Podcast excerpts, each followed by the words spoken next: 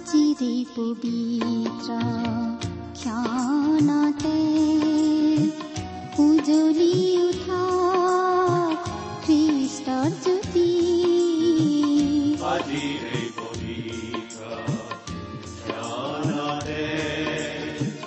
উজ্বলি উঠা খ্ৰীষ্টৰ জ্যোতি আকাশ বতাহ মুখৰিত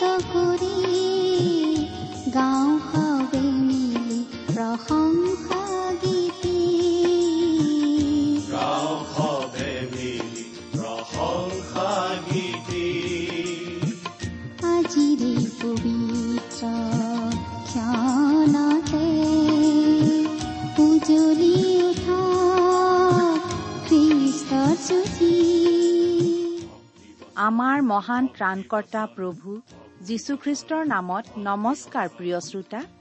এয়া মুকলি কৰিবলৈ লৈছো বাইবেল অধ্যয়নৰ ধাৰাবাহিক অসমীয়া অনুষ্ঠান ভক্তি বচন।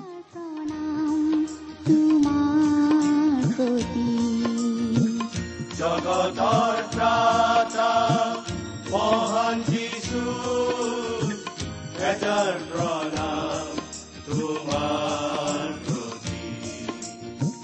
গ্ৰহণ কৰাই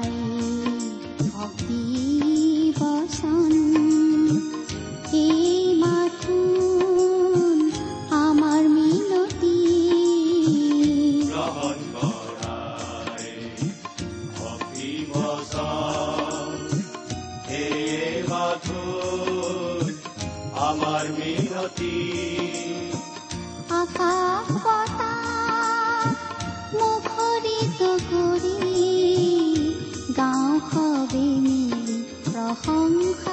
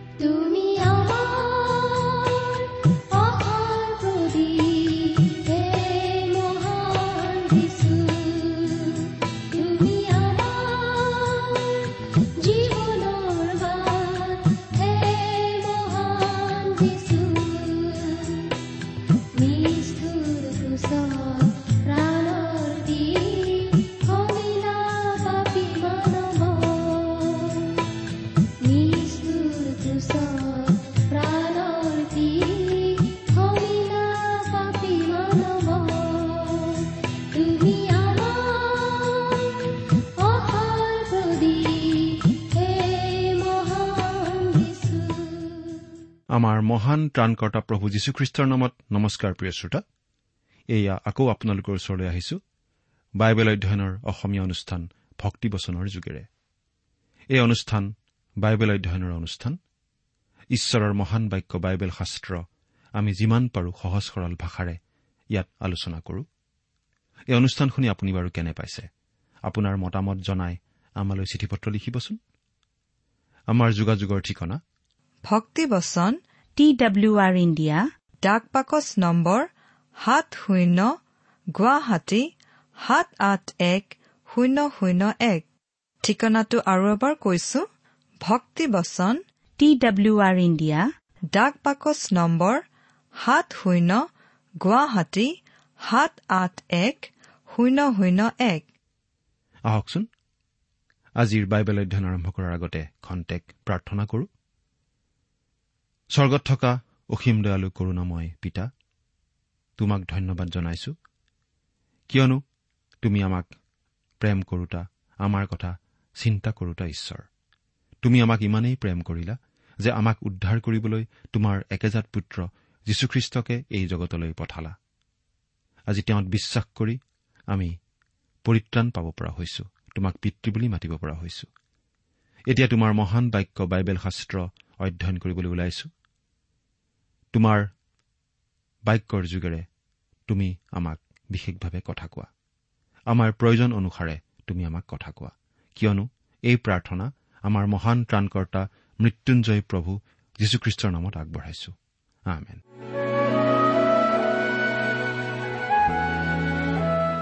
প্ৰিয় শ্ৰোতা যদিহে আপুনি আমাৰ এই ভক্তিবচন অনুষ্ঠানটো নিয়মিতভাৱে শুনি আছে তেনেহলে এই কথা আপুনি নিশ্চয় জানে যে আমি কিছুদিন ধৰি বাইবেলৰ পুৰণি নিয়ম খণ্ডৰ দানিয়েলৰ পুস্তক নামৰ পুস্তকখন অধ্যয়ন কৰি আছো। নহয়নে বাৰু? যোৱা অনুষ্ঠানত আমি এই দানিয়েলৰ পুস্তকৰ দুই নম্বৰ অধ্যায়ৰ তিৰাল্লিছ নম্বৰ পদলৈকে আমাৰ আলোচনা আগবঢ়াইছিলো। গতিকে আজিৰ অনুষ্ঠানত আমি এই দুই নম্বৰ অধ্যায়ৰ চৌৰাল্লিছ নম্বৰ পদৰ পৰা আমাৰ আলোচনা আৰম্ভ কৰিম। প্ৰিয় শ্ৰোতা আমি এতিয়া এটা বিশেষ বিষয় আলোচনা কৰি আছো। নবুখনেশ্বৰ ৰজাই এটা সপোন দেখিছিল আৰু সপোনত তেওঁ এটা বহু ধাতুৰে নিৰ্মিত মূৰ্তি দেখিছিল। সেই মূৰ্তিটোৰ অৰ্থ কি? সেই বিশেষ সপোনটোৰ অৰ্থ কি? সেইটো তেওঁ জানিব বিচাৰিছিল। আৰু দানিয়েলে তেওঁক সেই দৰ্শনটোৰ অৰ্থ ব্যাখ্যা কৰি আছিল। সেই মূৰ্তিটোৰ মূৰটো আছিল সোণৰ। আৰু সেই সোণৰ মূৰটোৱে নবুখত নেচৰ ৰজা আৰু বাবিলনীয়া সাম্ৰাজ্যক। সেই মূৰ্তিটোৰ ৰূপৰ হাত দুখনে বুজায় মাদিয়া পাৰ্চীবিলাকৰ সাম্ৰাজ্য যি সাম্ৰাজ্য নবুখত নেচৰ ৰজাৰ বাবিলনীয়া সাম্ৰাজ্যৰ পিছত স্থাপিত হৈছিল। সেই মূৰ্তিটোৰ পিতলৰ উৰুৱে বুজায় গ্ৰীকসকলৰ সাম্ৰাজ্য যি সাম্ৰাজ্য স্থাপিত হৈছিল মাদিয়া পাৰ্চীসকলৰ সাম্ৰাজ্যৰ পাছত। আনহাতে মূৰ্তিটোৰ লোহাৰ ভৰিয়ে বুজায় ৰোমান সাম্ৰাজ্য। আমি কৈছিলো এই ৰোমান সাম্ৰাজ্যখনেই শেষ সাম্ৰাজ্য। আৰু এই সাম্ৰাজ্য আচলতে নিঃশেষ হৈ যোৱা নাই। এদিন এই সাম্ৰাজ্যখন পুনৰ গঢ়া হ'ব। পাপ পুৰুষ অৰ্থাৎ খ্ৰীষ্টাৰীৰ যোগেদি। অৱশ্যে তাৰ আগে আগে খ্ৰীষ্টীয় বিশ্বাসীসকলক এই পৃথিৱীৰ পৰা উঠাই লৈ যোৱা হ'ব। তাৰ পাছতহে ঈশ্বৰে এই পৃথিৱীত মহাক্লেশ চলিবলৈ দিব। এই শেষৰ সাম্ৰাজ্যখনৰ শেষ অৱস্থা কি হ'ব? লোহা আৰু মাটিৰে মিহলি সেই সাম্ৰাজ্যখনৰ শেষ পৰিণতি কি হ'ব? আমি ভাবো বোকা মাটিখিনিয়ে বুজায় জনগণক ভৰিৰ সেই দহোটা আঙুলিৰ বিভিন্ন জাতিসমূহ। লোহা মিহলি হৈ থকাটোৱে এইটোৱে বুজায় যে ৰোমান সাম্ৰাজ্য নিঃশেষ হৈ যোৱা নাই তাৰ অৱশেষ এতিয়াও আছে। ইয়াৰ সামৰণি কেনেদৰে পৰিব? আমাক তাৰ উত্তৰটো দিয়া হৈছে দুই নম্বৰ অধ্যায়ৰ সামৰণিৰ পদকেইটাত আমি এতিয়া দুই নম্বৰ অধ্যায়ৰ চৌৰাল্লিছ আৰু পঞ্চল্লিছ নম্বৰ পদ দুটা পাঠ কৰি দিব খুজিছো। আপোনাৰ লগত যদি বাইবেল আছে চাই যাব। যদিহে লগত বাইবেল নাই অনুগ্ৰহ কৰি মন দি শুনিব। আৰু সেই ৰজাবিলাকৰ কালত স্বৰ্গৰ ঈশ্বৰে এক ৰাজ্য স্থাপন কৰিব। সেয়ে কেতিয়াও বিনষ্ট নহ'ব। আৰু সেই ৰাজ্যৰ ভাৰ আন জাতিৰ হাতত দিয়া নহ'ব। কিন্তু সেয়ে সেই আটাই ৰাজ্য ভাঙি সংহাৰ কৰি নিজে চিৰকাললৈকে থাকিব। আপুনি দেখিছিল যে পৰ্বতৰ পৰা বিনা হাতে এটা শিল কাটি উলিওৱা হল আৰু সেই শিলে লোহা পিতল মাটি ৰূপ আৰু সোণ সকলোকে গুৰি কৰিলে। মহান ঈশ্বৰে ইয়াৰ দ্বাৰাই মহাৰাজক ভাবি ঘটনা জনালে। সপোনটো ঠিক আৰু তাৰ ফলিতাও সঁচা। খ্ৰীষ্টাৰী অৰ্থাৎ পাপ পুৰুষে সেই ৰোমান সাম্ৰাজ্যখন আকৌ গঢ়িব। শাস্ত্ৰত সেই পাপ পুৰুষ বা খ্ৰীষ্টাৰীক বুজাবলৈ পঁয়ত্ৰিশটা বেলেগ বেলেগ নাম আমি পাওঁ। সেই পাপ পুৰুষ হ'ব গোটেই পৃথিৱীৰ একনায়কত্ববাদী শাসক। নবুখত ৰজাই আগতে যেনেকৈ শাসন কৰিছিল তেনেকৈ সেই খ্ৰীষ্টাৰীয়ে একেধৰণেই পৃথিৱী শাসন কৰিব।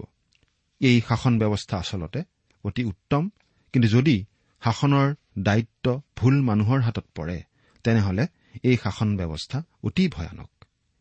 এই কথাটো সঁচা বুলি আমি নবুখত নেজৰ ৰজাৰ ক্ষেত্ৰতো দেখা পাম আৰু সেই খ্ৰীষ্টাৰীৰ ক্ষেত্ৰতো এই কথা সঁচা বুলি আমি বুজি পাম। যেতিয়া প্ৰভু যীশু আহিব এই পৃথিৱীত তেওঁৰ হেজাৰ বছৰীয়া শাসন চলাবলৈ তেওঁ এজন একনায়কত্ববাদী শাসকৰ নিচিনাকৈ শাসন চলাব। তেওঁৰ বিৰুদ্ধে মূৰ দাঙি উঠা সকলো বিদ্ৰোহ তেওঁ দমন কৰিব। গীতমালা দুই নম্বৰ গীতৰ ন নম্বৰ পদত আমি এনেদৰে পঢ়িবলৈ পাওঁ। তুমি সিহঁতক লোহাৰ দণ্ডেৰে ভাঙিবা। কুমাৰৰ পাত্ৰৰ দৰে তুমি সিহঁতক দুখৰ দুখৰ কৰিবা। আজি আমি তেওঁৰ সপক্ষত যুক্তি দিয়াৰ প্ৰয়োজন আচলতে নাই। কোনেও তেওঁৰ হৈ যুক্তি দৰ্শোৱাটো প্ৰভু যীশুৰ আচলতে প্ৰয়োজন নাই। এই কথা যদিহে আপোনাৰ ভাল নালাগে তেনেহলে আপুনি এই পৃথিৱী ত্যাগ কৰি চন্দ্ৰ বা মংগল গ্ৰহলৈ গুচি যাব পাৰে সেইটো আপোনাৰ কথা। এই জগতখনৰ শাসন ব্যৱস্থা তেওঁ হাতত ল'ব আৰু আপুনি বাছি লোৱা ঠাইখনৰো শাসন ব্যৱস্থা তেওঁ হাতত ল'ব পাৰে কাৰণ এই বিশ্বব্ৰহ্মাণ্ডখনৰ গৰাকীটো তেওঁই কোনো মানুহৰ হাতেৰে কাটি নিৰ্মাণ নকৰা সেই শিল। সেই শিল। সেই শিলনো কি? সেই শিলে প্ৰভু যীশুখ্ৰীষ্টক বুজায়। কোনো সাধাৰণ মানুহ নহয় সেই শিলটো। সেই শিল হৈছে ঈশ্বৰৰ অভিষিক্ত জনা। প্ৰভু যীশুখ্ৰীষ্টই নিজে এই কথা স্পষ্টভাৱে কৈছিল যে তেওঁৱেই সেই শিল। তেওঁ যি কৈছিল সেই কথাটো বুজা মানুহ আজিৰ তুলনাত নিশ্চয় সেই সময়ত বেছি আছিল। মুঠিয়ে লিখা শুভবাৰ্তা একৈশ নম্বৰ অধ্যায়ৰ চৌৰাল্লিছ নম্বৰ পদত আমি এনেদৰে পঢ়িবলৈ পাওঁ প্ৰভু যীশুৱে এই বুলি কৈছিল। এই শিলৰ ওপৰত যিকোনো পৰিব তেওঁ দুখৰ দুখৰকৈ ভাগি যাব কিন্তু যাৰ ওপৰত সেই শিল পৰিব তেওঁক ধূলিৰ দৰে উৰুৱাই পেলাব। তেওঁৱেই সেই শিল জীৱন্ত শিল। তেওঁৱেই ভেটি। প্ৰথম কৰিন্ঠিয়া তিনি নম্বৰ অধ্যায়ৰ এঘাৰ নম্বৰ পদত আমি এই বুলি পঢ়িবলৈ পাওঁ। কিয়নো যি স্থাপন কৰা হ'ল তাৰ বাহিৰে আন ভিত্তিমূল কোনেও স্থাপন কৰিব নোৱাৰে। সেই ভিত্তিমূল যীশুখ্ৰীষ্ট। যদিহে আমি যি ৰূপত আছো সেই ৰূপতেই তেওঁ ক্ৰুচত আমাৰ পাপমোচনৰ বাবে বোৱাই দিয়া তেজত ভৰসা কৰি তেওঁলৈ আহোঁ বিশ্বাসেৰে তেতিয়া আমি শিলত পৰাৰ নিচিনা হয় আৰু আমি ভগ্ন হওঁ। আমি পাপী তেওঁক আগবঢ়াবলৈ আমাৰ হাতত একো নাই। কিন্তু তেওঁত খোপনি লৈ তেওঁত আশ্ৰয় লৈ আমি জিৰণি পাওঁ। জিৰণি ল'বৰ বাবে তেওঁ অতি উত্তমশীল। বাইবেলত ব্যৱহৃত হোৱা বিভিন্ন প্ৰতীকধৰ্মী ছবিৰ ভিতৰত এই শিলো এটা ছবি আৰু এই শিলে প্ৰভু যীশুৰ দুয়োটা ৰূপ দেখুৱায় পৰিত্ৰাণকৰ্তা আৰু বিচাৰক। তেওঁ পৰিত্ৰাণৰ শিলা। দ্বিতীয় বিৱৰণ বত্ৰিশ নম্বৰ অধ্যায়ৰ পোন্ধৰ নম্বৰ পদ চাওক। আৰু তেওঁ বিচাৰকৰ্তাশীল দ্বিতীয় বিৱৰণ বত্ৰিশ নম্বৰ অধ্যায়ৰ চাৰি নম্বৰ পদ চাওক। দানিয়েল পুস্তকৰ এই পদকেইটাই সেই সময়ৰ কথা কৈছে যি সময়ত প্ৰভু যীশু এই পৃথিৱীলৈ আহিব বিচাৰক হিচাপে আৰু তেওঁৰ বিৰুদ্ধে এই পৃথিৱীয়ে কৰা বিদ্ৰোহ দমন কৰিব। ইয়াত প্ৰভু যীশুৱে এই পৃথিৱীলৈ দ্বিতীয়বাৰ অহাৰ কথাটো বুজোৱা হৈছে। সেই কথা আমাক অতি বহলভাৱে জনোৱা হৈছে। প্ৰকাশিত বাক্য ঊনৈশ নম্বৰ অধ্যায়ৰ এঘাৰ নম্বৰ পদৰ পৰা একৈশ নম্বৰ পদত। আপোনালোকে চাই ল'ব পাৰে। প্ৰকাশিত বাক্য ঊনৈশ নম্বৰ অধ্যায়ৰ এঘাৰৰ পৰা একৈশ নম্বৰ পদ। তেওঁৰ সেই দ্বিতীয় আগমন হ'ব যুগান্তকাৰী সম্পূৰ্ণ নতুন যুগৰ সূচনাকাৰী আৰু ভয়ংকৰ। এই কথাটো শাস্ত্ৰত বাৰে বাৰে উল্লেখ কৰা হৈছে। জখৰীয়া চৈধ্য নম্বৰ অধ্যায়ৰ একৰ পৰা তিনি পদ। জুৱেল তিনি নম্বৰ অধ্যায়ৰ দুই নম্বৰ পদ। নৰ পৰা ষোল্ল নম্বৰ পদ। জিচয়া চৌত্ৰিশ নম্বৰ অধ্যায়ৰ একৰ পৰা আঠ নম্বৰ পদ। গীতমালা দুই নম্বৰ গীত আদি উল্লেখযোগ্য। মানুহে এই জগত শাসন কৰি শান্তি স্থাপন কৰাৰ গৰ্ব চূৰ নহ'ব এই তথাকথিত সভ্যতা ধ্বংস হোৱাৰ লগে লগে। এই কথাটো চিন্তা কৰিবলৈ আৰু গ্ৰহণ কৰিবলৈ আমাৰ টান লাগে যে আমি এনেকুৱা এখন জগতত বাস কৰি আছো যিখন জগত আচলতে অভিশপ্ত। এই জগতখনৰ বিচাৰ চলি থকা নাই। বিচাৰ হৈ গ'ল আৰু দণ্ড ঘোষণা কৰাও হৈ গ'ল। কিছুমান লোকে কয় মই চাওঁ পিছত যি হয় দেখা যাব কিজানি আমি ৰক্ষা পাওঁৱেই? নাই প্ৰিয় শ্ৰোতা। হেৰাই থকা পৰিত্ৰাণ গ্ৰহণ নকৰা লোকসকলৰ আচলতে সুযোগ নাই। তেওঁবিলাক হেৰাই আছে। তেওঁবিলাকে ঈশ্বৰক নাজানে। ঈশ্বৰৰ বিষয়বোৰ জনাৰ আৰু বুজাৰ ক্ষমতাও তেওঁলোকৰ নাই। তেনে বহুতো মানুহৰ হৃদয়ত হয়তো অলপ ধাৰ্মিক হোৱাৰ মনোবাঞ্ছা এটা আছে। হয়তো নিয়মিতভাৱে গীৰ্জাত যোগ দি মানুহৰ পৰা প্ৰশংসা লাভ কৰাৰ মনোবৃত্তি এটাও আছে। কিন্তু প্ৰিয় শ্ৰোতা আমি প্ৰভু যীশুক ত্ৰাণকৰ্তা বুলি সম্পূৰ্ণৰূপে ভৰসা কৰাটোহে আচল কথা। সেই কাম কৰাটো সহজ নিশ্চয় নহয়। নে কি কয়? তেওঁৰ আগত সম্পূৰ্ণ নম্ৰ হৈ তেওঁৰ আগত মূৰ নত কৰি তেওঁক স্বীকাৰ কৰি লোৱাটো নিশ্চয় সহজ কথা নহয়। কিন্তু হয় আপুনি সেই শিলটোৰ ওচৰলৈ আহিব লাগিব বিশ্বাস স্থাপন কৰিবলৈ নহলে সেই শিলটো আপোনাৰ ওচৰলৈ আহিব বিচাৰৰ দণ্ডদাতা হিচাপে। আমি কিন্তু নিজে তেওঁৰ ওচৰলৈ আগবাঢ়ি যোৱাটোহে ভাল দেখিছো। এই পৃথিৱীত চলি থকা মানুহৰ দপদপনি ঈশ্বৰে এদিন শেষ কৰিব। মানুহৰ দিনৰ অন্ত পৰিব। ঈশ্বৰৰ ৰাজ্য প্ৰতিষ্ঠা হ'ব আৰু খ্ৰীষ্টৰ ব্যক্তিগত শাসনৰ তলত এহেজাৰ বছৰ ধৰি এই পৃথিৱীখন পৰীক্ষা কৰা হ'ব।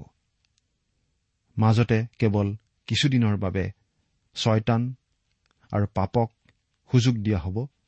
ঈশ্বৰৰ সেই ধাৰ্মিকতাৰ ৰাজ্যত শেষবাৰৰ বাবে আক্ৰমণ চলাবলৈ আৰু তাৰ পাছত সেই ধাৰ্মিকতাৰ ৰাজ্য অনন্তকাললৈ চলি থাকিব। প্ৰকাশিত বাক্য বিশ নম্বৰ অধ্যায় চাওক। এতিয়া ছয়চল্লিছ আৰু সাতচল্লিছ নম্বৰ পদ দুটা পঢ়ি দিছো। তেতিয়া ৰজা নবুখত নেচৰে উবুৰি হৈ পৰি দানিয়েলক প্ৰণাম কৰিলে আৰু তেওঁৰ উদ্দেশ্যে নৈবেদ্য আৰু ধূপ উৎসৰ্গ কৰিবলৈ আজ্ঞা দিলে। ৰজাই দানিয়েলক উত্তৰ দি কলে তুমি এই নিগূঢ় কথা বুজাব পৰা হৈছা। এতেকে সঁচাকৈ তোমালোকৰ ঈশ্বৰ ঈশ্বৰবিলাকৰো ঈশ্বৰ ৰজাবিলাকৰো প্ৰভু আৰু নিগূঢ় বিষয় প্ৰকাশক। দানিয়েলে আগবঢ়োৱা এই ব্যাখ্যাই নবুখতনেশ্বৰ ৰজাৰ ওপৰত এনে গভীৰ প্ৰভাৱ পেলালে যে তেওঁ আচলতে দানিয়েলক সেৱা জনালে আৰু আনকো তাকে কৰিবলৈ কলে।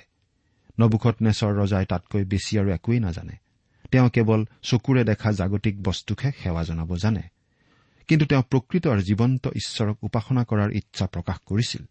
এয়া আছিল স্বৰ্গৰ ঈশ্বৰৰ সৈতে নবুখত নেচৰ ৰজাৰ পৰিচয়ৰ সূত্ৰপাত। এই পুস্তকখনত আমি দেখিবলৈ পাম যে এই প্ৰতিমা পূজক ৰজাজনৰ অন্তৰত স্বৰ্গৰ জীৱন্ত ঈশ্বৰৰ প্ৰতি বিশ্বাস বৃদ্ধি পাইছিল। তেওঁ যি অন্ধকাৰৰ মাজত আছিল সেই অন্ধকাৰ ভেদ কৰি এই বিশ্বাস বাঢ়ি গৈছিল আৰু ঈশ্বৰৰ প্ৰতি জ্ঞানৰ পোহৰে তেওঁৰ অন্তৰ পোহৰাই তুলিছিল। এতিয়া আঠচল্লিছ আৰু ঊনপঞ্চাছ। এই পদ দুটা পাঠ কৰি দিছো। তেতিয়া ৰজাই দানিয়েলক মহান কৰি অনেক বহুমূল্য বঁটা দিলে আৰু গোটেই বাবিল প্ৰদেশৰ ওপৰত শাসনকৰ্তা পদত আৰু বাবিলত থকা সকলো বিদ্বান লোকৰ ওপৰত প্ৰধান বিষয়া বাবদ নিযুক্ত কৰিলে। পাছে দানিয়েলে ৰজাৰ আগত নিবেদন কৰিলত ৰজাই ছদ্ৰক মৈচক আৰু আবেদনগুক বাবিল প্ৰদেশৰ ৰাজকাৰ্যত নিযুক্ত কৰিলে কিন্তু দানিয়েল ৰাজদুৱাৰত থাকিছিল। ৰজাৰ ৰাজদুৱাৰত বহা কাৰ্যটোৰ কথা বাইবেলৰ আন আন ঠাইতো আমি পঢ়িবলৈ পাওঁ। আদি পুস্তকত আমি পঢ়িবলৈ পাওঁ যে লোট ছডুমৰ নগৰৰ দুৱাৰত বহিছিল। অৰ্থাৎ তেওঁ এজন বিচাৰক আছিল। ইষ্টেৰৰ বিৱৰণ নামৰ পুস্তকত আমি পঢ়িবলৈ পাওঁ যে মৰ্দক্ষয়কো সেই পদবী দিয়া হৈছিল। তেওঁ নগৰৰ দুৱাৰত বিচাৰক হিচাপে বহিছিল। এতিয়া ইয়াত আমি দেখিবলৈ পাইছো যে নবুকনেশ্বৰ ৰজাই দানিয়েলক বিশেষ পুৰস্কাৰ দিছে আৰু সেই পুৰস্কাৰৰ অংশ হিচাপে দানিয়েলক তেওঁ পদোন্নতি দিছে। কিন্তু ইয়াতে এটা কথা বিশেষভাৱে মন কৰক। দানিয়েলে তেওঁৰ ইব্ৰী বন্ধু তিনিজনক পাহৰি যোৱা নাই।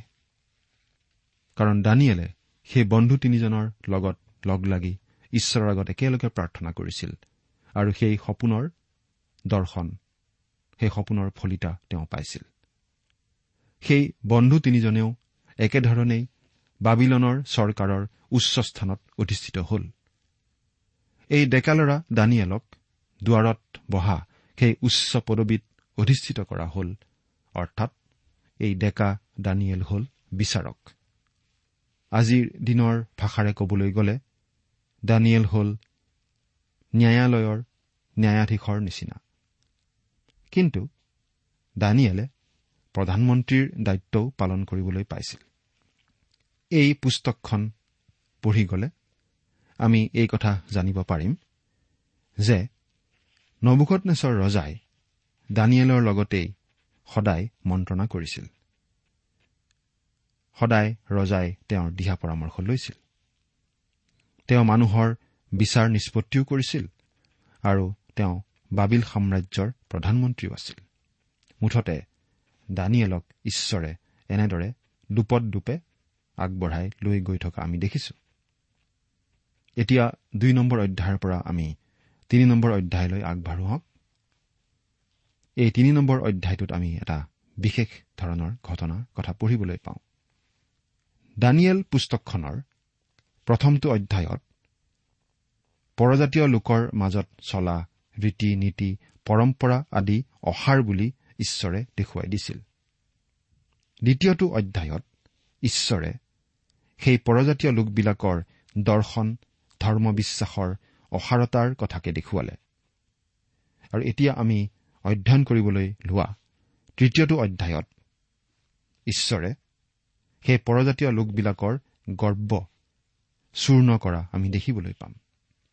আমি তিনি নম্বৰ অধ্যায়ৰ প্ৰথম পদ দুটা পাঠ কৰি দিব খুজিছো। ৰজা নবুখত নেচৰে ষাঠি হাত ওখ আৰু ছহাত বহল এনে এক সোণৰ মূৰ্তি সাজি বাবিল প্ৰদেশৰ দুৰা নামেৰে সমথলত স্থাপন কৰিলে।